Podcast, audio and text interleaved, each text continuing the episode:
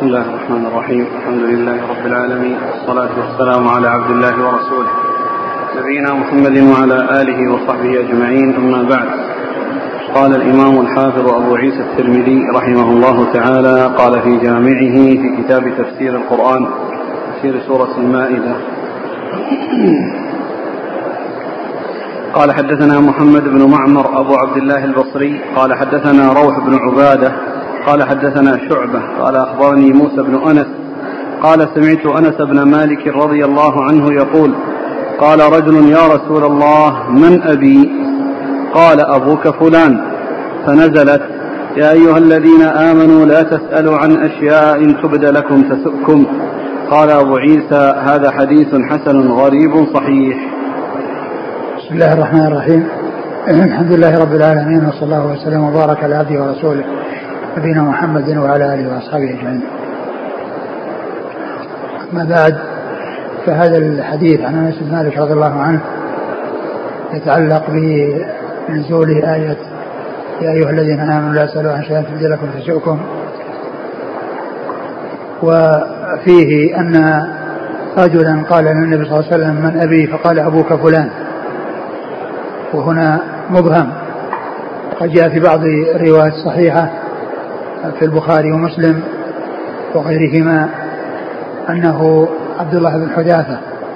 وأن النبي صلى الله عليه وسلم قال أبوك حذافة وجاء في بعض الروايات أنه كان إذا تلاحى مع أحد آه، تكلم في نسبه فسأل النبي صلى الله عليه وسلم فأخبر عليه السلام بأنه أبوه حذافة وأن نسبته إليه صحيحة وأن نسبته إليه صحيحة وفي بعض الروايات في صحيح مسلم أن أمه قالت كذا فعلت لو أن أمك عملت أو اقترفت يعني شيئا في الجاهلية تكون فضحتها يعني ببيان الرسول صلى الله عليه وسلم في الحديث آه، الرسول صلى الله عليه وسلم آه، قال سلوني في بعض الروايات سلوني فسألوه وممن وفي وفيها أيضا أن رجلا قال ما أين أبي قال أبوك في النار قال أين أبي قال أبوك في النار ف وفيها أن عمر رضي الله عنه جثى ركبتيه ويعني آه، خشي على رسول الله صلى الله عليه وسلم من شدة الغضب ومن شدة التأثر الذي قد حصل له حتى كف الناس عن الأسئلة وحتى انتهى انتهوا من الأسئلة ومعلوم أن الرسول صلى الله عليه وسلم إنما يخبر بوحي وأن الوحي يعني يصل إليه بسرعة وقد يكون الوحي قد حصل له قبل ذلك فالرسول عليه الصلاة والسلام كل ما يخبر به هو عن الله عز وجل لأنه لا ينطق عن الهوى صلوات الله وسلامه وبركاته عليه كما قال الله عز وجل آه، إن هو إلا وما ينطق عن الهوى إن هو إلا وحي يوحى نعم قال حدثنا محمد بن معمر أبو عبد الله البصري هو البحراني وهو صدوق أخرج له أصحاب الكتب الستة وهو شيخ لأصحاب الكتب الستة عن روح بن عبادة روح بن عبادة ثقة أخرج له أصحاب الكتب الستة عن شعبة شعبة بن الحجاج الواسطي ثم البصري ثقة أخرج أصحاب الكتب الستة عن موسى بن أنس وهو ثقة أخرج له أصحاب الكتب نعم عن أنس بن مالك عن أنس أبيه أنس بن مالك رضي الله عنه خادم رسول الله صلى الله عليه وسلم وأحد السبعة المكثرين من حديث رسول من حديث الرسول الكريم صلى الله عليه وسلم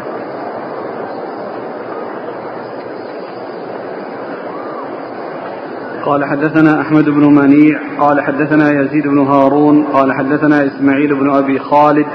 عن قيس بن أبي حازم عن أبي بكر الصديق رضي الله عنه أنه قال يا أيها الناس إنكم تقرؤون هذه الآية يا أيها الذين آمنوا عليكم أنفسكم لا يضركم من ضل إذا اهتديتم وإني سمعت رسول الله صلى الله عليه وعلى آله وسلم يقول إن الناس إذا رأوا ظالما فلم يأخذوا على يديه أوشك أن يعمهم الله بعقاب قال أبو عيسى هذا حديث حسن صحيح وقد رواه غير واحد عن إسماعيل بن أبي, بن أبي خالد نحو هذا الحديث مرفوعا وروى بعضهم عن إسماعيل عن قيس عن أبي بكر قوله ولم يرفعوه ثم ورد أبو عيسى هذا الحديث المتعلق بقول الله عز وجل يا أيها الذين آمنوا عليكم أنفسكم لا يضركم من ضل إذا اهتديتم و وأن وأنه ليس المقصود من هذه الآية أن الناس ليس عليهم شيء إذا تركوا الأمر بالمعروف والنهي عن المنكر واقتصروا على إصلاح أنفسهم ولم يسعوا إلى إصلاح غيرهم بل آآ آه، آآ آه، بل الأمر معروف النهي عن المنكر جاء في الكتاب والسنة جاء في آيات كثيرة وأحاديث عديدة عن رسول الله صلى الله عليه وسلم بل قد جاء عن النبي صلى الله عليه وسلم في صحيح مسلم من رأى منكم منكرا فليغيره بيده فإن لم يستطع بلسانه فإن لم يستطع بقلبه وذلك أضعف الإيمان ولكن معناها أنهم إذا بذلوا ما يستطيعون وأدوا ما عليهم وحصل منهم الأمر بالمعروف والنهي عن المنكر فكون المأمورين أو كون المنكر عليهم استمروا ولم يرعوا ولم يرجعوا بسبب هذه بسبب هذا الأمر والنهي فإنه لا يضرهم ذلك لأنهم أدوا ما عليهم لأنه ليس ليس على الإنسان هداية الناس ليس على الناس الإنسان هداية هداية الناس هداية التوفيق لأن هذه إلى الله ولكن عليه هداية الدلالة والإرشاد عليه أن يهديهم إلى الصراط المستقيم بالدعوة والإرشاد وأما كون كونهم يهتدون ويحصل لهم الهداية هذا إلى الله عز وجل ولهذا أثبت الله عز وجل هداية الدلالة والإرشاد للرسول صلى الله عليه وسلم ونفاها عنه ونفى عنه هداية التوفيق هداية التوفيق نفاها عنك أنك لا تهدي من أحببت يعني الذي هداية التوفيق للحق والأخذ بما هو حق ولكن كونه يرشد ويبين قال الله عز وجل وإنك لتهدي إلى صراط مستقيم يعني ترشد وتبين ويقول الله عز وجل والله يدعو إلى دار السلام ويهدي من يشاء إلى صراط مستقيم يعني يدعو كل أحد إلى دار السلام كل مدعو إلى دار السلام ما في أحد يدعى وأحد لا يدعى وإنما الذي اختص الله تعالى به هو الهداية ولهذا قال ويهدي من يشاء إلى صراط مستقيم فالدعوة إلى الحق والهدى عامة وهي مبذولة وتحصل لكل أحد وليست لأحد دون أحد وهداية التوفيق لا تحصل إلا لمن شاء الله هدايته إنك لا تهدي من أحببت ولكن الله يهدي من يشاء والله يدعو إلى دار السلام يعني كل أحد ويهدي من يشاء إلى صراط مستقيم فالدعوة إلى الحق والهدى والدلالة إلى الخير عامة ولا تكون لأحد دون أحد وأما حصول التوفيق والتسديد من الله عز وجل فهذا يحصل لمن تفضل الله عز وجل عليه بذلك ولمن منحه ذلك إذا الآية كما جاء عن أبي بكر رضي الله عنه أن المقصود بها أن الإنسان إذا أدى ما عليه فإنه لا يضله بعد ذلك ضلال من ضل لأنه قد بذل ما يستطيع والدلالة هداية الدلالة التي يملكها فعلها وهداية التوفيق هذه لا يملكها إلا الله سبحانه وتعالى ولهذا الآية فيها إشارة إلى إلى هذا في قوله إذا اهتديتم ومن المعلوم أن الاهتداء إنما يكون بكون الإنسان آه، آه، يصلح نفسه ويسعى في إصلاح غيره لكن حصول الصلاح للغير هذا لا يملكه وإنما هذا لله عز وجل لهذا جاء في القرآن في سورة العصر والعصر إن الإنسان لفي خسر إلا الذين آمنوا وعملوا الصالحات وتواصوا بالحق وتواصوا بالصبر فهم آه، آه، يعملون الصالحات عن عن علم ومعرفة ومع إيمان ويسعون إلى تأدية النفع إلى غيرهم ولا يقصرون النفع على أنفسهم بل يسعون إلى تعدية لغيرهم بل ويصبرون على ما ينالهم من الأذى في هذا السبيل ولهذا قال تواصوا بالحق وتواصوا بالصبر الصبر على ذلك الصبر على طاعة الله ولا شقة على النفوس الصبر على ما فيه مضرة ما دام أنه مشروع مطلوب ولو كان في ذلك مشقة على النفس لأن هذا شأن الطاعات كما قال رسول الله صلى الله عليه وسلم حفت الجنة بالمكاره وحفت النار بالشهوات فلا بد من الصبر على طاعة الله ولا بد من الصبر عن معاصي الله لا بد من الصبر على طاعة الله ولو شقت عن النفوس ولا بد من الصبر عن معاصي الله ولو مالت إليها النفوس ولو مالت إليها النفوس وهذا الحديث الذي أورده المصنف هو أول حديث في المسند الإمام أحمد أول حديث في المسند هو هذا الحديث هذا رقم واحد في كتاب المسند لأن أول مسانيد مسانيد مسند أبي بكر أول المسانيد التي أتى بها الإمام أحمد في مسنده مسند أبي بكر وأول حديث في مسند أبي بكر هذا الحديث فإذا هذا الحديث هو أول حديث في كتاب المسند للإمام أحمد الذي هو واسع والذي هو موسوعة حديثية يعني يعني الحديث بالعشرات عشرات الألوف يعني ف آه، هذا الحديث هو أوله نعم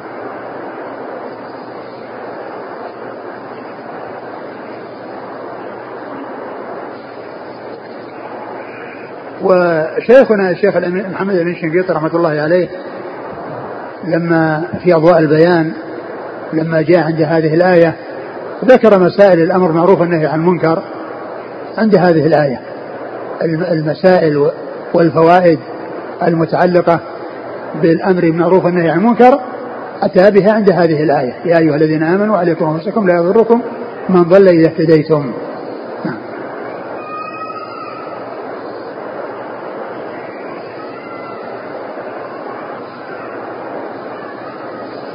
قال حدثنا أحمد بن منيع أحمد بن منيع ثقة أخرج أصحاب كتب الستة عن يزيد بن هارون هو الواسطي وهو ثقة أخرج أصحاب كتب الستة عن إسماعيل بن أبي خالد وهو ثقة أخرج أصحاب كتب الستة عن قيس بن أبي حازم قيس بن أبي حازم ثقة محضرا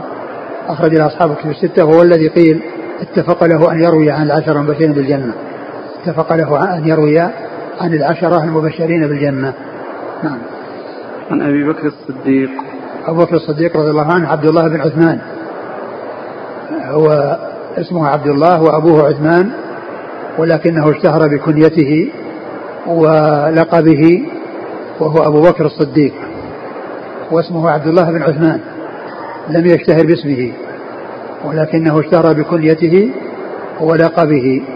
رضي الله عنه وأرضاه وهو خليفة رسول الله صلى الله عليه وسلم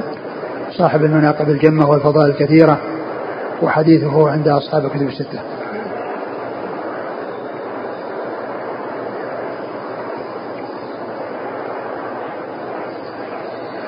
قال حدثنا سعيد بن يعقوب الطالقاني قال حدثنا عبد الله بن المبارك قال أخبرنا عتبة بن أبي حكيم قال حدثنا عمرو بن جارية اللخمي عن أبي أمية الشعباني قال أتيت أبا ثعلبة الخشني رضي الله عنه فقلت له كيف تصنع بهذه الآية قال أية آية قلت قوله يا أيها الذين آمنوا عليكم أنفسكم لا يضركم من ضل إذا اهتديتم قال أما والله لقد سألت عنها خبيرا سألت عنها رسول الله صلى الله عليه وعلى آله وسلم فقال بل ائتمروا بالمعروف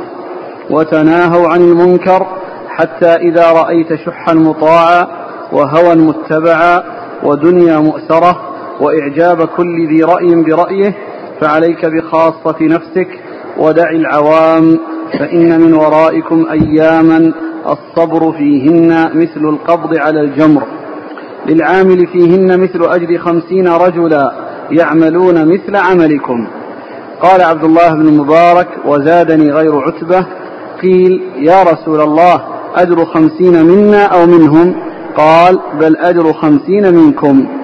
قال أبو عيسى هذا حديث حسن غريب ثم روي أبو عيسى هذا الحديث عن أبي ثعلبة الخشني رضي الله عنه وهو قريب من حديث أبي بكر رضي الله عنه المتقدم وفيه زيادات و ومن الزيادات التي فيه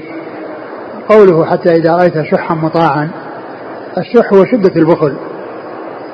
شدة البخل أو شد البخل وذلك أن أن الناس آه، يحرصون على الدنيا ويشحون بها ولا يجودون فيكون شأنهم الإمساك وعدم الإنفاق فتجده يكون حريصا على الأخذ وليس راغبا في الإعطاء كما جاء في الحديث عن النبي صلى الله عليه وسلم أنه قال آه ان الله يكره ان قال ان الله يكره يرضى لكم ويكره يكره لكم حقوق آه، الامهات ومنع وأد البنات ومنع وهات ومنع وهات يعني انه يمنع و ويأخذ يعني حريصا على الأخذ ولكنه لا يعني لا يخرج شيئا يعني حريصا على الإدخال وليس حريصا على الإخراج حريصا على أن يدخل عليه شيء ولا يرغب أن يخرج منه شيء فهذا هو المنع وهات إيه، إيه، إيه، وكما قال الله إذا مسه شر جزوعا إذا مسه الخير منوعا إذا مسه شر جزوعا إذا مسه الخير منوعا فإذا حصل الخير يعني يعني يمسك ويكون مسيك فالشح المطاع يعني شدة البخل الذي آه، آه، تطاع فيه النفوس ويستسلم إلى ما يعني تهواه النفوس من الإمساك وهوى متبعا وهوى متبعا اتباع الهوى وليس اتباع النصوص ولا اتباع ما كان عليه سلف هذه الأمة وإنما اتباع الأهوى التي هي مخالفة لما كان عليه سلف هذه الأمة الذين هم على الجادة وعلى الصراط المستقيم ودنيا المؤثرة يعني أوثرت الدنيا على الآخرة يؤثرون الحياة الدنيا ودنيا المؤثرة وإعجاب كل ذي رأي برأيه يعني آه، لا لا يرجع إلى النصوص وإلى الكتاب والسنة وإنما آه، يكون آه، بالآراء والتخرصات مثل ما هو موجود الآن في الصحف يعني بعض الكتاب وبعض الناس اللي ما لهم علاقة بالعلم يصلون ويجولون في مسائل العلم وكأنهم كبار العلماء فيتعرضون لأمور لا قبل لهم بها ولا علاقة لهم بها فيشغلون أنفسهم ويشغلون الناس أجاب كل ذي رأي برأيه وكل يتكلم في العلم ويشتغل في العلم ولا, ولا يتورع من أن يتكلم في شيء لا علاقة له به بل قد آه، آه، حصل في بعض الجرائد هذه الأيام أن أحد الكتاب يقول أن هذه الفواصل أو الحواجز اللي في المسجد النبوي بين الرجال والنساء أن الرجال النساء ما ترى الرجال إذا لا تصح صلاتهن يعني تبطل صلاتهن يعني ما لهن صلاة بسبب هذه الحواجز التي تحجز بين الرجال والنساء كل هذا من السفة وكل هذا من آه، من, من إعجاب كل رأي برأيه بعده؟ ثم قال فعليك بخاصة نفسك فعليك بخاصة نفسك ودع عنك أمر العوام عليك بخاصة نفسك لأن يعني المقصود من ذلك أن الإنسان يسعى في صلاح نفسه عندما يعني آه، آه، تضطرب الأحوال ويحصل هذه الأمور ولكنه عليه آه، كما جاء في الحديث في الحديث هذا والحديث الذي قبله أن الناس يأتمرون بالمعروف ويتناهون عن المنكر وأن الإنسان إنما يبرأ إذا أدى ما عليه لأن الهداية كما عرفنا لا يملكها إجازة التوفيق لا يملكها إلا الله وأما الهداية بالدلالة فهذه آه، مبذولة وهذه مهمة الرسل وأتباع الرسل أنهم يدعون إلى الخير ويهدون إلى الصراط آه، المستقيم ودع عنك العوام يعني أنه يعني لا يشغل نفسه في آه، فيما يعود عليه بالمضرة بعد أن يكون أدى ما عليه بعد فإن من ورائكم أياما الصبر فيهن مثل القبض على الجمر فإن من ورائكم أياما فإن من ورائكم أياما الصبر فيهن كالصبر على الجمر الإنسان يصبر على دينه مثل مثل الصابر الذي وضع الجمر بيده فهو غير غير مرتاح يعني آه، يده آه، تتحرك بسبب ما ومع ذلك ممسك على الجمر فالذي آه، يأتي على الناس زمان أو آه، في في بعض الأزمان يكون إنسان متمسك بدينه وملتزم بدينه والناس من حوله يسيئون إليه ويستهزئون به ويتكلمون في حقه ومع ذلك هو صابر على دينه كشأن الذي بيده جمر وهو صابر عليه وهذا تشبيه يعني بليغ من رسول الله صلى الله عليه وسلم يبين مدى أهمية كون الإنسان يصبر على الحق ولو خالفه الناس كما كما جاء عن بعض السلف أنه قال لا يغتر بطريق الشر لكثرة السالكين ولا يزهد بطريق الخير لقلة السالكين لا يزهد الإنسان بطريق الخير لقلة من يسلكها ولا يغتر بطريق الشر لكثرة من يسلكها لأن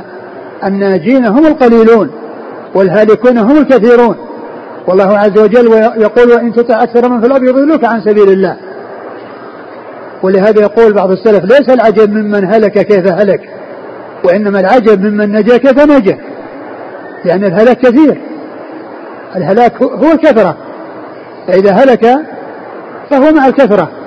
لكن حصول كونه مع القلة هذا هو الذي يعتبر يعني شيء نفيس وشيء عظيم ليس العجب من هلك كيف هلك وإنما العجب ممن نجا كيف نجا لأنه لا ينجو إلا القليل الإنسان كونه يكون مع القليل ويحصل أن يكون مع القليل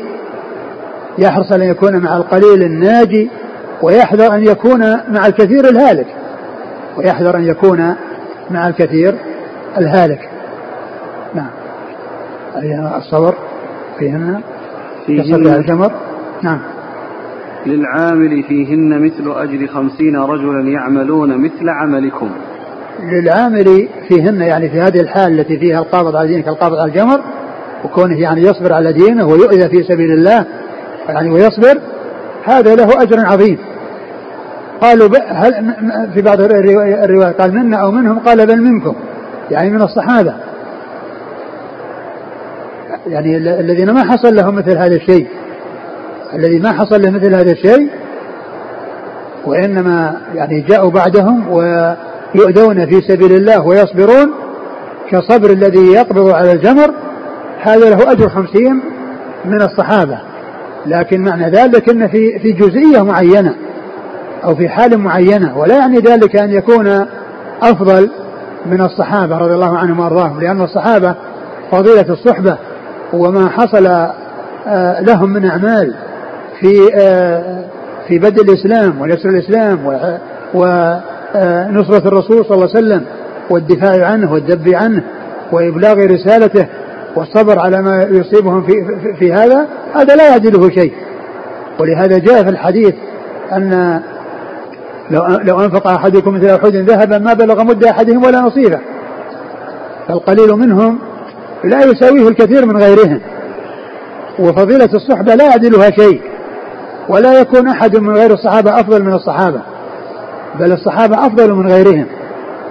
وقد أخبر الرسول صلى الله عليه وسلم أن أنهم خير القرون وهم خير هذه الأمة التي هي خير الأمم وخير الأمم أمة نبينا محمد صلى الله عليه وسلم وخير هذه الأمة أصحاب رسول الله صلى الله عليه وسلم الذين شرفهم الله عز وجل في الحياة الدنيا بصحبته وبالنظر إلى طلعته وبسماع حديثه وسماع الكتاب والسنة ونقلها إلى الناس لأن الذي يحصل من أصحاب الرسول صلى الله عليه وسلم أن يأخذ سنة عن رسول الله صلى الله عليه وسلم ثم يبلغها له أجر مثل أجور من عمل بها إلى إلى إلى قيام الساعة له مثل أجور من عمل بها إلى قيام الساعة لأنهم هم الواسطة بين الناس وبين رسول الله صلى الله عليه وسلم وهم الذين عرف الحق والهدى عن طريقهم ما عرف الناس كتابا ولا سنة إلا عن طريق الصحابة فكونهم تشرفوا بصحبة الرسول ونصرته وإظهار دينه والذب عنه والجهاد معه وتلقي الكتاب والسنة منه وإبلاغها للناس بعدهم لهم مثل أجور كل من جاء بعدهم حتى هؤلاء الذين يحصلون هذه الأجور لكونهم يصبرون يقبضون على الجمر ولهذا الصحابة رضي الله عنهم وأرضاهم لا يماثلهم أحد ولا يعدلهم أحد فهم خير هذه الأمة التي هي خير الأمم وقد قال عليه الصلاة والسلام خير الناس قرني ثم الذين يلونهم ثم الذين يلونهم رضي الله عنهم وارضاه ولهذا جاء عن زرعه الرازي انه قال اذا رايتم من ينتقص احدا من اصحاب رسول الله صلى الله عليه وسلم فاعلموا انه زنديق وذلك ان الرسول صلى الله عليه وسلم حق والكتاب حق وانما ادى الينا الكتاب والسنه اصحاب الرسول صلى الله عليه وسلم وهؤلاء يعني يتكلمون في الصحابه ويقضون فيهم يريدون ان يجرحوا شهودنا لماذا؟ ليبطلوا الكتاب والسنه لان القدح في النقل قدح في المنقول القدح في الناقل قدح في المنقول من قدح في الصحابة قدح في كتاب السنة لأن كتاب السنة ما عرف ما ما ما عرف إلا عن طريق الصحابة ثم قال والجرح بهم أولى وهم زنادقة يعني هم أولى بالجرح من غيرهم ومن يكون كذلك هو من الزنادقة نعم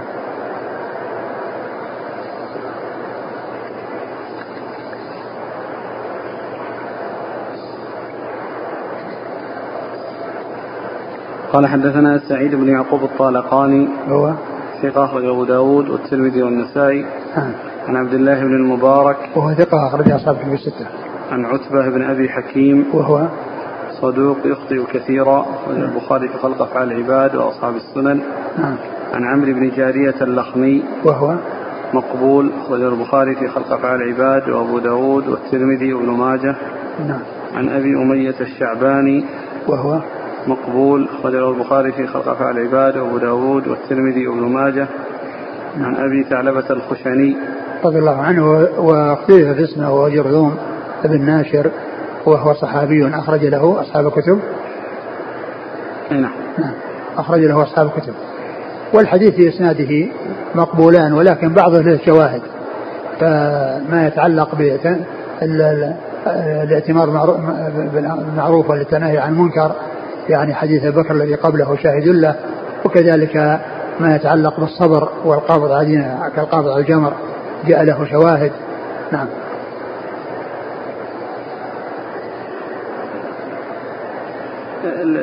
الاشكال يبقى قضيه ان يعني هؤلاء الذين يعملون في هذه الازمان او في هذه الفتن العامل له اجر خمسين من الصحابه انتم ذكرتم ان الصحابه حتى من حيث الاجر في التبليغ تبليغ الشريعه لهم من الاجر ما انا قلت يعني هذا الاجر الذي حصل لهؤلاء للصحابه مثله للصحابه مثله لانهم هم الذين دلوا دلوا غيرهم على الخير هؤلاء وغير هؤلاء هؤلاء وغيرهم يعني هم الذين دلوهم ما عرفوا كتاب ولا سنه الا عن طريقهم وقد قال صلى الله عليه وسلم في الحديث الذي رواه مسلم في صحيح من دعا إلى هدى كان له من أجل مثل أجر من تبعه لا ينقص ذلك من أجورهم شيئا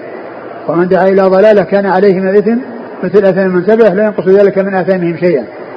وهذا الفضل الجزئي أو الأجر الجزئي في يعني أمور معينة وفي وقت معين هذا الذي قال فيه الرسول صلى الله عليه وسلم قال لا يعني ذلك أنهم بهذا لأن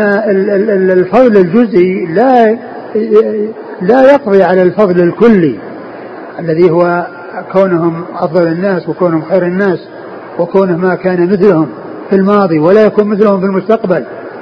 يعني كونه يعني يحصل لبعض الناس يعني أن يصبر على دينه وأن يعذب في دينه وأنه يصبر يحصل أجر عظيم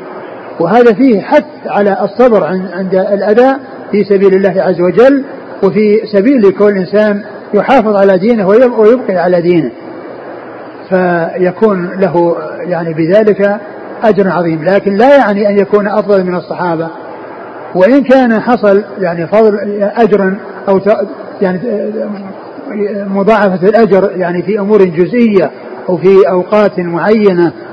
لا يعني ذلك أنهم يكونون خيرا من الصحابة فخيرية الصحابة حصلت لصحبة الرسول صلى الله عليه وسلم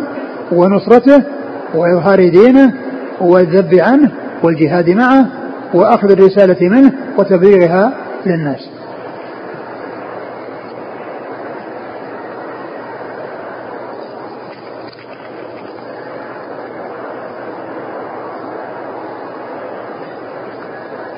تضعيف هذه الزيادة أو الحكم عليها بالشذوذ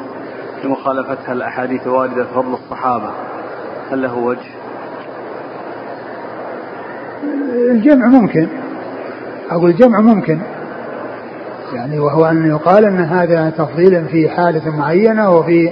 آه، أمور يعني يكون فيها آه، الوصول إلى هذه الغاية وتفضيل الصحابة حصل من أمور أخرى حصل من أمور أخرى لا يمكن أن يكون هذا الذي يحصل لهم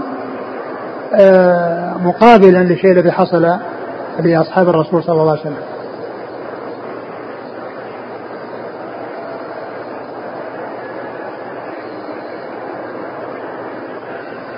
قال حدثنا الحسن بن أحمد بن أبي شعيب الحراني قال حدثنا محمد بن سلمة الحراني قال حدثنا محمد بن إسحاق عن أبي النضر عن باذان مولى أم هانئ عن ابن عباس عن تميم الداري رضي الله عنهم في هذه الآية يا أيها الذين آمنوا شهادة بينكم إذا حضر أحدكم الموت قال برئ منها الناس غيري وغير عداء وغير عدي بن بداء وكانا نصرانيين يختلفان إلى الشام قبل الإسلام فأتيا الشام لتجارتهما وقدم عليهما مولى لبني هاشم يقال له بديل بن أبي مريم بتجارة ومعه جام من فضة يريد به الملك وهو عظم تجارته فمرض فأوصى إليهما وأمرهما أن يبلغا ما ترك أهله قال تميم فلما مات أخذنا ذلك الجام فبعناه بألف درهم ثم اقتسمناه أنا وعدي بن بداء فلما قدمنا إلى أهله دفعنا إليهم ما كان معنا وفقدوا الجام فسألونا عنه فقلنا ما ترك غير هذا وما دفع إلينا غيره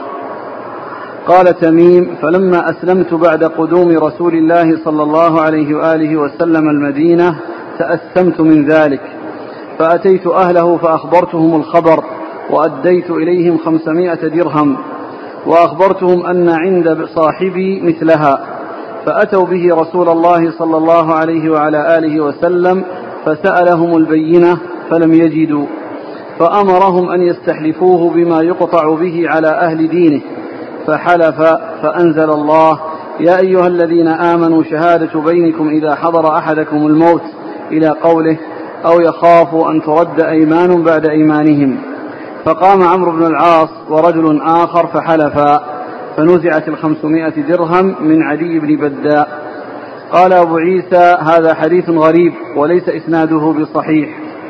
وأبو النضر الذي روى عنه محمد بن إسحاق هذا الحديث هو عندي محمد بن السائب الكلبي يكنى أبا النضر وقد, ترك وقد تركه أهل الحديث وهو صاحب التفسير سمعت محمد بن إسماعيل يقول محمد بن السائب الكلبي يكنى أبا النضر ولا نعرف لسان من أبي النضر المدني رواية عن أبي صالح مولى أم هانئ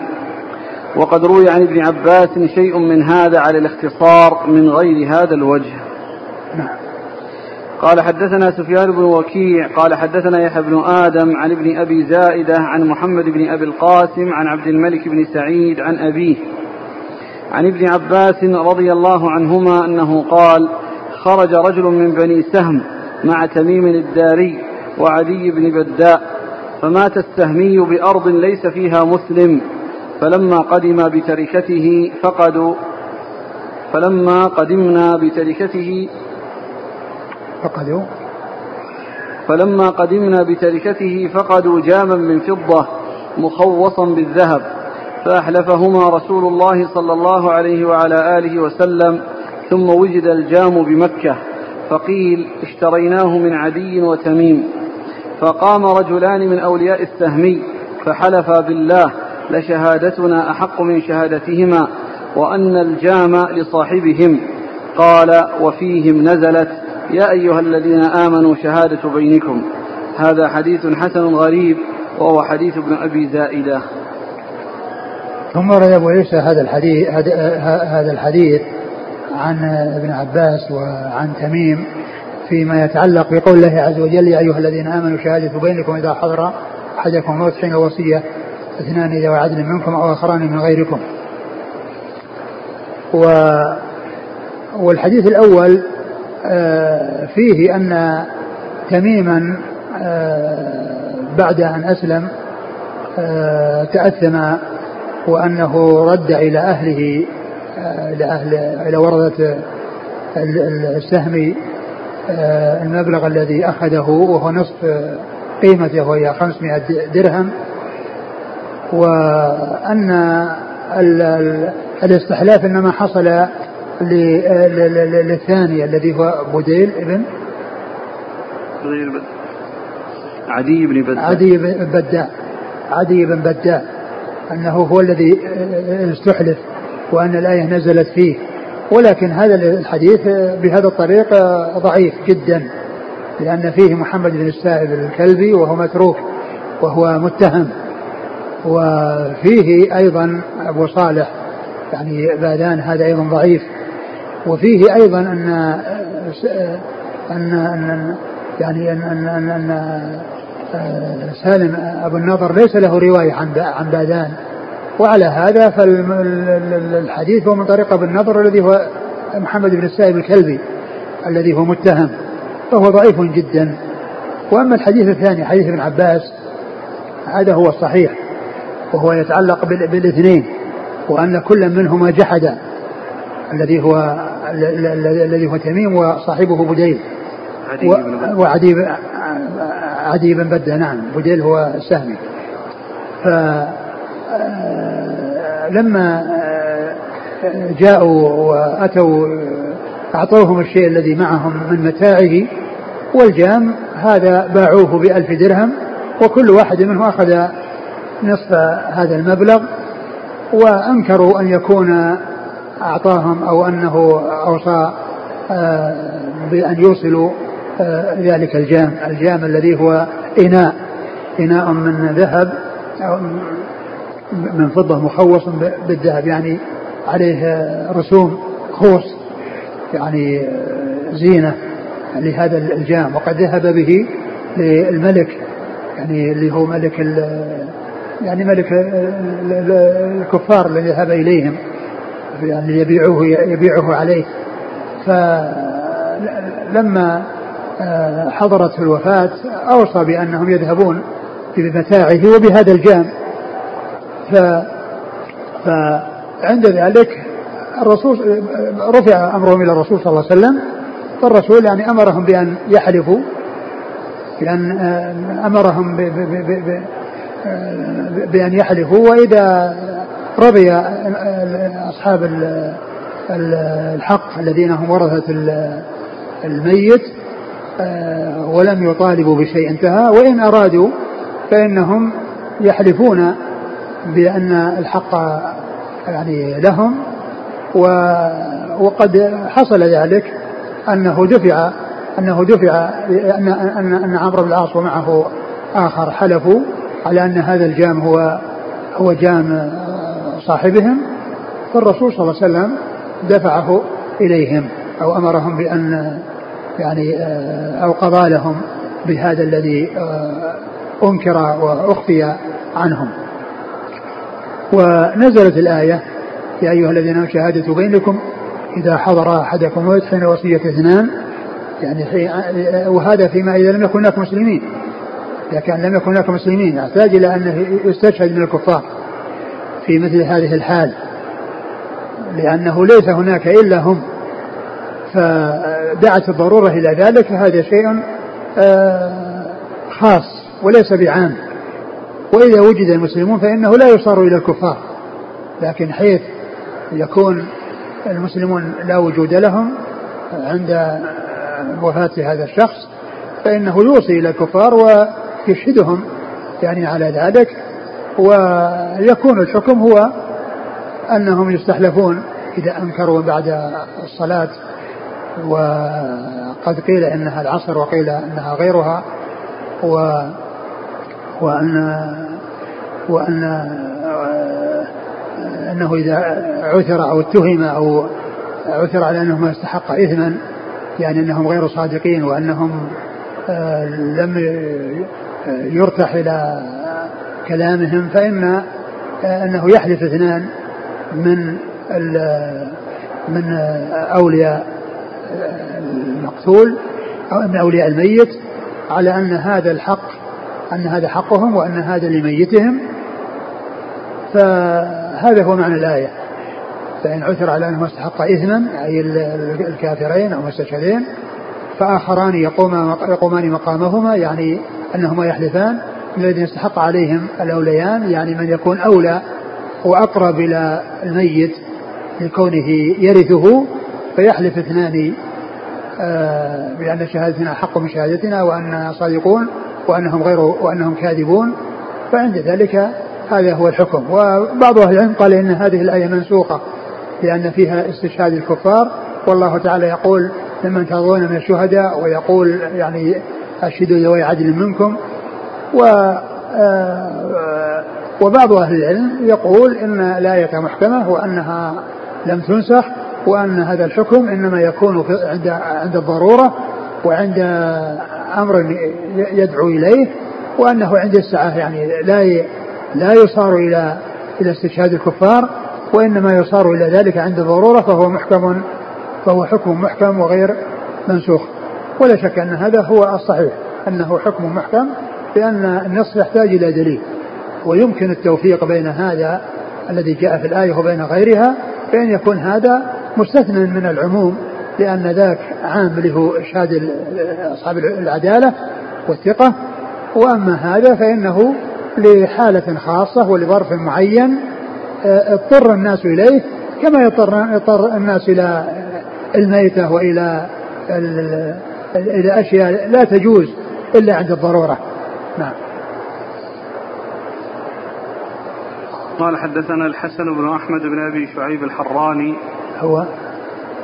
ثقة أخرجه مسلم وأبو داود في المراسيل والترمذي عن محمد بن سلمة الحراني وهو ثقة أخرجه البخاري في جزء القراءة ومسلم وأصحاب السنة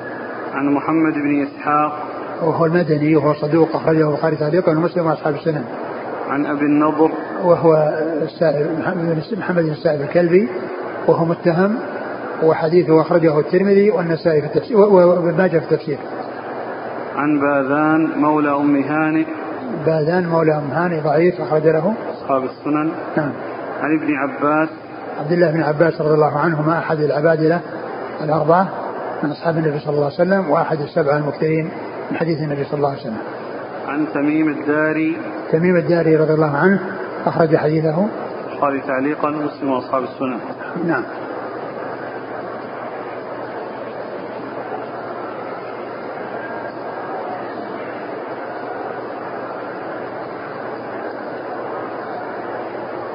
قال ولا نعرف لسالم مولى لسالم أبي النضر المدني رواية عن أبي صالح مولى أم هانئ لأن في طبقة من دون آه، باذان من يقال له أبو النضر وهو سالم وهو من الثقات وهذا ليس له رواية عن هذا ليس له رواية عن باذان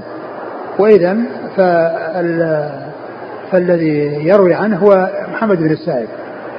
لأن هذا أراد أن يبين أن في طبقة في هذه الطبقة من هو ثقة ولكنه ليس له رواية عن أبو صالح بعدين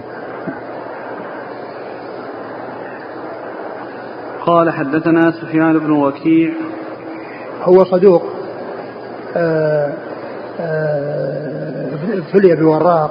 أدخل عليه ما ليس من حديثه فانتصح ولم ينتصح فنصح ولم ينتصح فترك حديثه نعم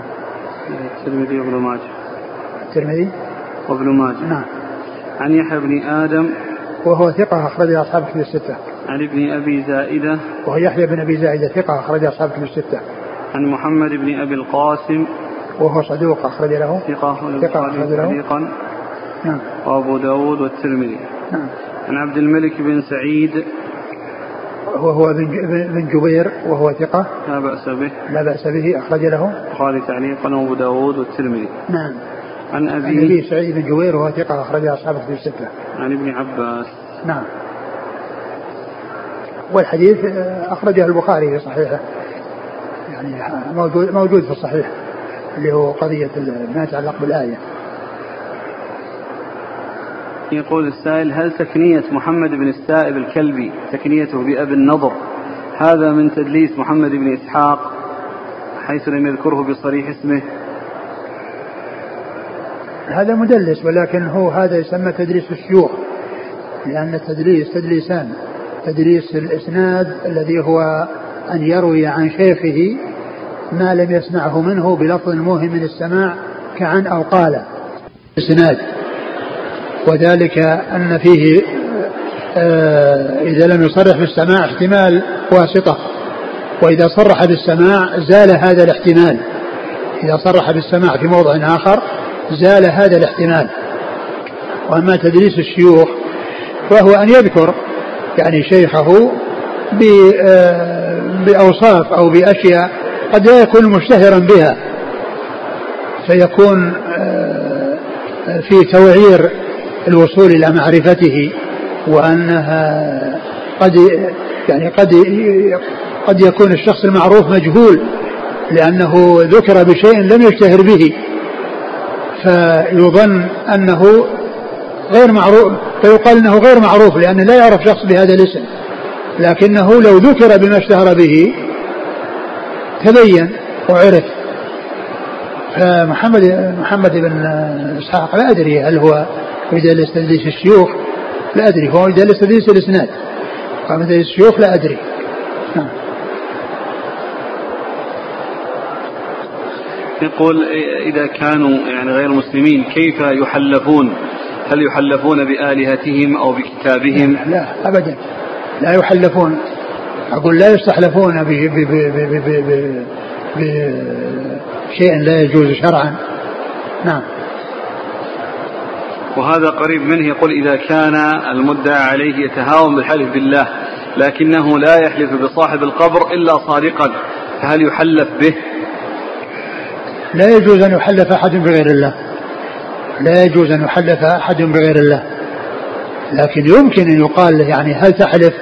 لو قلنا لك تحلف بكذا يعني هل تحلف يعني يمكن أن يكون يعني يتبين يعني آه، كونه يعظم آه، هذا الذي عرض عليه هؤلاء يعظمه واما كونه يحلف بغير الله لا لا يحلف احد بغير الله. نقول أليس في الحديث جواز اتخاذ آنية من ذهب أو فضة دون استعمال ودعوى أنها متقدمة تحتاج إلى دليل هو كون كون الآنية تكون من ذهب وفضة ما في بأس وإنما الذي لا يجوز استعمالها الشرب فيها وأما إذا وضعت أو عملت على أساس أنها تحفظ هذا الذهب يعني سواء على على شكل إناء أو غيره لا بأس به لأن هذا المقصود بحفظ يعني هذا المال والمال يحفظ على أي شكل من الأشكال إذا حيث لا يكون الشكل غير جائز أن يكون على شكل صنم أو ما إلى ذلك أما إذا كان على شكل إناء أو ما إلى ذلك فالممنوع آه، هو الشرب في الآنية الشرب في أن يتذهب الفضل نعم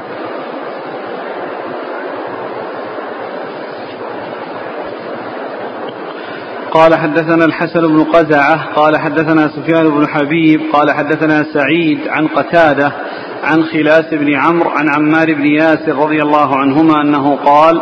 قال رسول الله صلى الله عليه وعلى آله وسلم أنزلت المائدة من السماء خبزا ولحما وأمروا أن لا يخونوا ولا يدخروا لغد فخانوا وادخروا ورفعوا لغد فمسخوا قردة وخنازير قال أبو عيسى هذا حديث قد رواه أبو عاصم وغير واحد عن سعيد بن أبي عروبة عن قتادة عن خلاس عن عمار بن ياسر موقوفا ولا نعرفه مرفوعا إلا من حديث الحسن بن قزعة قال حدثنا حميد بن مسعدة قال حدثنا سفيان بن حبيب عن سعيد بن أبي عروبة نحوه ولم يرفعه وهذا أصح من حديث الحسن بن ولا نعلم للحديث المرفوع أصلا هذا الإسناد الأخير قال حدثنا حميد بن مسعدة قال حدثنا سفيان بن حبيب عن سعيد بن أبي عروبة نحوه ولم يرفعه ثم ورد أبو عيسى هذا الحديث عن عمار عمار نعم عمار بن ياسر رضي الله عنه أن أن أنه قال قال قال قال رسول الله صلى الله عليه وسلم أنزلت قال صلى الله عليه وسلم أنزلت المائدة على بني إسرائيل لحما وخبزا وأمروا ألا يخونوا وألا يدخروا فحصل منهم خلاف ما أمروا به ومسخوا قردة وخنازير ومسخوا قردة وخنازير وهذا الحديث فيه أن المائدة نزلت وقد اختلف العلماء هل هي نزلت أو لم تنزل هل أنزلها الله أو لم ينزلها وجمهور العلماء على أنها أنزلت لأن الله تعالى قال إني منزلها عليكم إني منزلها عليكم وبعضهم قال إنها لم تنزل وبعضهم قال إنها لم تنزل, تنزل وهذا الحديث آه، جاء آه، موقوفا وجاء مرفوعا والمرفوع هو الطريق الأولى والاسناد يعني اسناد المرفوع يعني هو ظاهره الصحه ولكنه جاء من طرق اخرى يعني ليس بمرفوع وانما هو موقوف ولهذا الترمذي يعني رجح ان يكون موقوفا وقال انه ليس له اصل يعني فكان يعني رفعه يعني في وهم او في خطا و والمساله كما ذكرت الخلاف في نزول المائده او عدم نزولها للعلماء فيه قولان جمهورهم على أنها نزلت يقول الله عز وجل إني منزلها عليكم وبعضهم يقول إنها لم تنزل نعم أنزلت المائدة من السماء خبزا ولحما وأمروا أن لا يخونوا ولا يدخروا لغد فخانوا وادخروا ورفعوا لغد فمسخوا قردة وخنازير نعم يعني هذه العقوبة اللي يعوقب عليها نعم. قال حدثنا الحسن بن قزعة هو صدوق صدوق الترمذي والنسائي وابن ماجه نعم. عن سفيان بن حبيب وهو ثقة أخرج له وخالف المفرد وأصحاب السنن نعم عن سعيد سعيد بن ابي عروبه ثقه اخرج أصحابه في السته. عن قتاده قتاده بن دعامه السدوسي البصري ثقه اخرج أصحابه في السته. عن خلاس بن عمرو خلاس بن عمرو هو ثقة أخرج له أصحاب الكتب نعم عن عمار بن ياسر رضي الله عنه أخرج له أصحاب الكتب الستة قال قد رواه أبو عاصم أبو عاصم هو النبي ضحاك بن مخلد وهو ثقة أخرج أصحاب الكتب الستة عن سعيد بن أبي عروبة عن قتادة عن خلاس عن عمار موقوفا قال حدثنا حميد بن مسعدة هو صدوق أخرجه مسلم وأصحاب السنن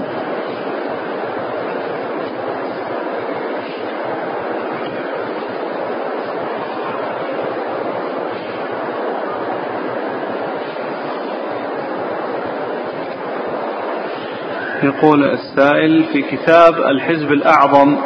لملا علي القاري أورد المؤلف من جملة الدعوات التي جعلها من الورد اليومي ربنا أنزل علينا مائدة من السماء فهل يدعى بهذا الدعاء وما رأيكم في هذا الكتاب فإنه من الكتب التي توزع الآن والله هذا هذا الدعاء هذا الدعاء كيف كيف يدعو به الإنسان الإنسان يدعو ينزل عليه مائدة من السماء مثل ما طلب بني إسرائيل من عيسى عليه الصلاة والسلام الإنسان يسأل الله خير الدنيا والآخرة يدعو, يدعو الله عز وجل بالدعاء الجامع الذي جاء في القرآن ربنا آتنا في الدنيا حسنة وفي الآخرة حسنة وقنا عذاب النار فإذا حصل حسنة الدنيا وحسنة الآخرة فإن حسنة الدنيا تشمل كل خير في الدنيا وحسنة الآخرة تشمل آه، دخول الجنة والسلامة من النار ورؤية الله عز وجل آه، التي هي أعلى نعيم لأهل الجنة فمثل هذه الأدعية ومثل هذا لا يجوز للإنسان آه، أن أن يدعو بها والكتاب مشتمل على أمور سيئة وأمور غير صحيحة ولهذا لا يصلح أن يوزع ولا يشتغل به ولكن إذا إذا بين يعني ما فيه بين آه، الأخطاء الذي فيه فيكون شأن شأن الكتب الأخرى التي يبين آه، صحيحها من سقيمها لكن عدم وجوده بأيدي الناس وهو فيه مثل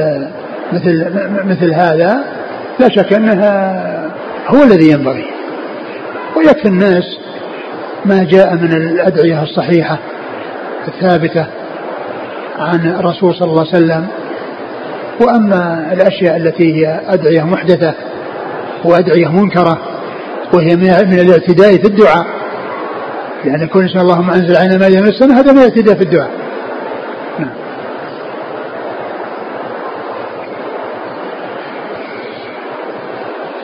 الرسول صلى الله عليه وسلم ما دعا بهذا الدعاء ولا طلب من الله ينزل عليه مائدة من السماء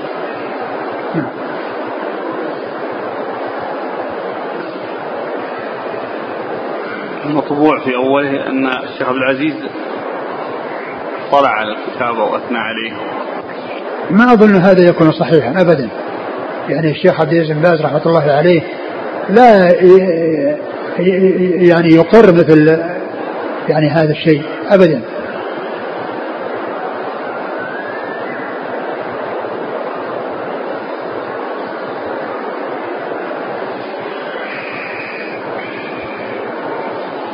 قال حدثنا ابن أبي عمر قال حدثنا سفيان بن عيينة عن عمرو بن دينار عن طاووس عن أبي هريرة رضي الله عنه أنه قال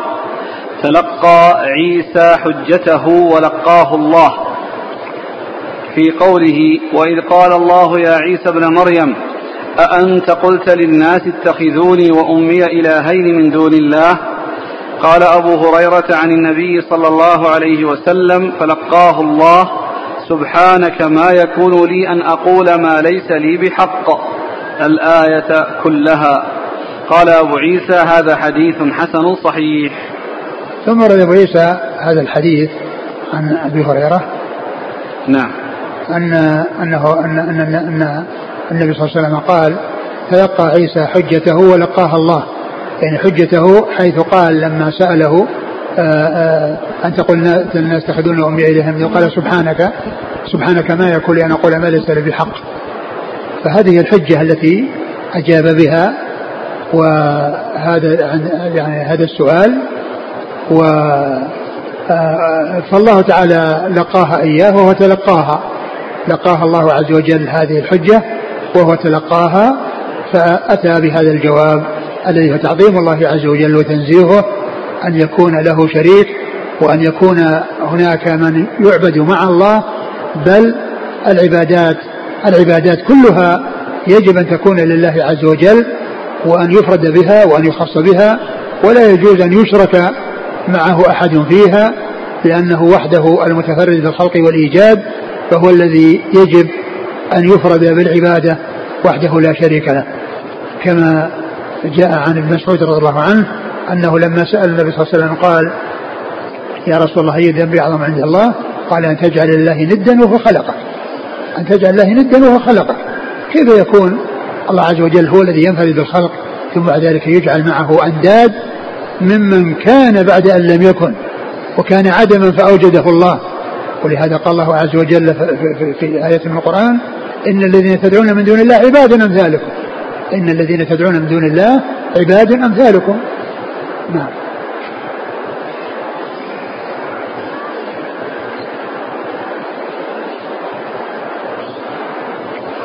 قال حدثنا ابن ابي عمر هو صدوق خرجه مسلم والترمذي والنسائي وابن ماجه عن سفيان بن عيينه وثقه اخرج اصحابك في السته عن عمرو بن دينار وهو ثقه اخرج اصحابك في السته عن طاووس ابن كيسان ثقة أخرج أصحابه من الستة. عن أبي هريرة. عبد الرحمن بن صخر الدوسي رضي الله عنه أكثر الصحابة حديثا.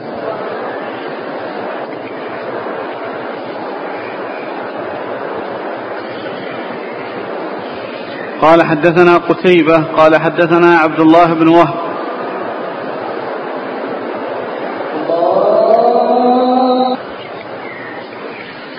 وهذا السؤال الذي حصل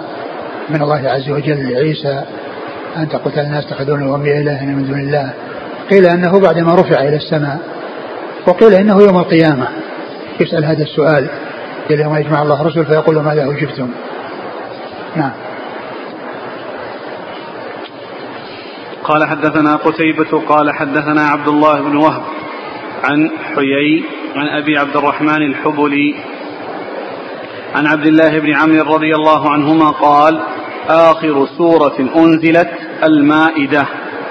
قال أبو عيسى هذا حديث حسن غريب وروي عن ابن عباس رضي الله عنهما أنه قال آخر سورة أنزلت إذا جاء نصر الله والفتح ثم أورد أبو عيسى هذا الحديث عن عباس عن عن عبد الله بن عمرو عن عبد الله بن عمرو رضي الله تعالى عنهما أنه قال آخر آية آخر سورة, آخر سورة أنزلت سورة المائدة يعني آخر سورة آخر السور نزولا سورة المائدة وقد مر أن آخر الآيات نزولا قيل آية الكلالة والتي هي آخر آية في سورة النساء وقيل آية واتقوا يوم ترجعون فيه إلى الله التي هي آخر الآيات المتعلقة بالربا في آخر سورة البقرة هذا الحديث عن عبد الله بن عمرو يقول ان هذه السوره اخر سوره وفي بعض النسخ وفي بعض هذا سوره المائده هو الفتح والفتح المقصود به اذا جاء نصر الله والفتح الذي جاء في حديث ابن عباس انه قال انها اذا جاء نصر الله والفتح و وإذا جاء نصر الله والفتح كما جاء عن ابن عباس وفي سؤال عمر له عما يفهمه من هذه الآية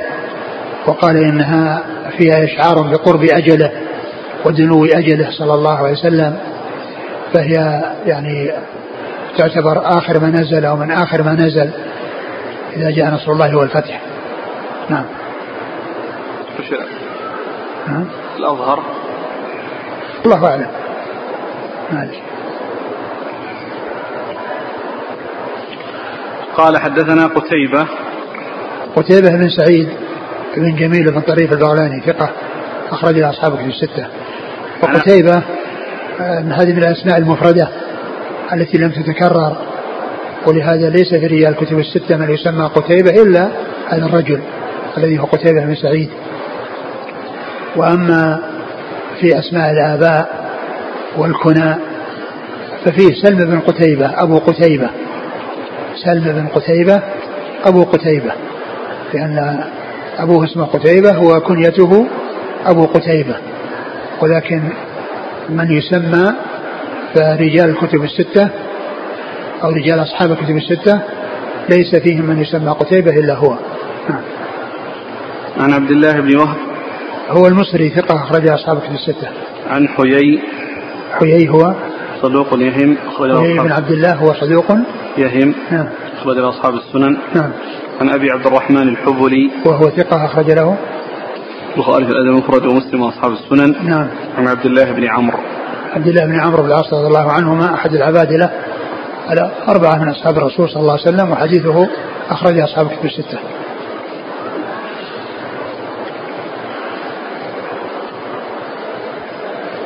باب سورة الأنعام نعم.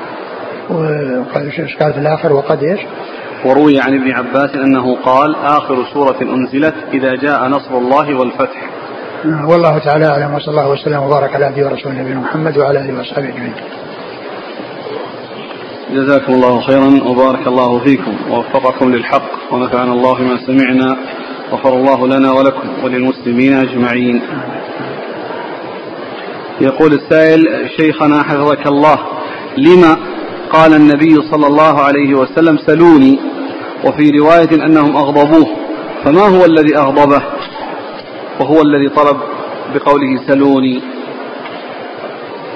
لا أدري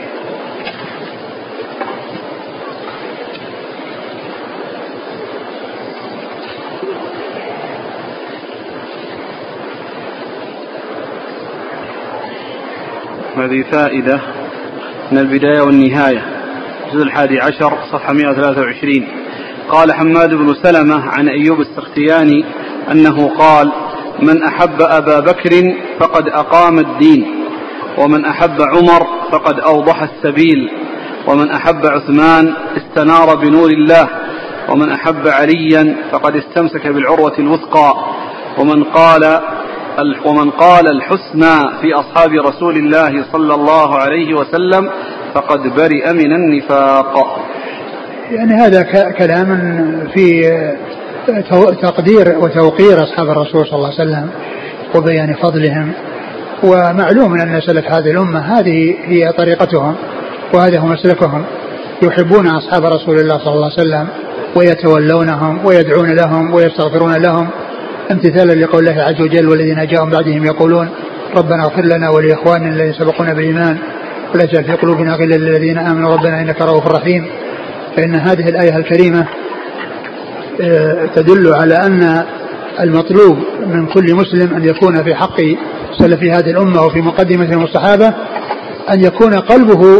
سليما في حقهم ولسانه سليما في حقهم كما قال شيخ الاسلام ابن تيميه في الواسطيه ونحب و, و, و, و آه، ومن أصول أهل ومن أصول أهل السنة والجماعة سلامة قلوبهم وألسنتهم لأصحاب رسول الله صلى الله عليه وسلم ورضي الله عنهم وأرضاهم من أصولهم سلامة قلوبهم وألسنتهم فالقلوب سليمة والألسنة سليمة ولهذا هذه الآية تدل على حصول الاثنين لأن قول ربنا اغفر لنا هذا سلامة الألسنة هذا سلامة الألسنة لأنهم يدعون لهم وقوله ولا في قلوبنا غلا يعني قلوبهم نظيفة سليمة ويسأل الله عز وجل أن يبقيها سليمة ويسأل الله عز وجل أن يبقيها سليمة يعني ففيها يعني آه، سلامة القلوب وسلامة الألسنة في حق أصحاب رسول الله صلى الله عليه وسلم ورضي الله عنهم وأرضاه وذلك أنهم هم الواسطة بين الناس وبين رسول الله صلى الله عليه وسلم ما عرف الناس كتابا ولا سنة إلا عن طريق الصحابة فإذا لم آه، يلتزم ويؤخذ ما جاء عنه معناه ليس بيد من كان كذلك لا كتاب ولا سنه يقول السائل مما ورد في الحزب الأعظم اللهم صل على قبر النبي صلى الله عليه وسلم في القبور وعلى مشهده في المشاهد وصلاة الفاتح المعروضة أو المعروفة عند الصوفية كل هذا من الكلام المنكر وغير صحيح يقول اللهم صل على محمد الصلاة عليه صلى الله عليه وسلم وليست على قبره والدعاء له صلى الله عليه وسلم وليس لقبره جزاكم الله خيرا سبحانك الله وبحمدك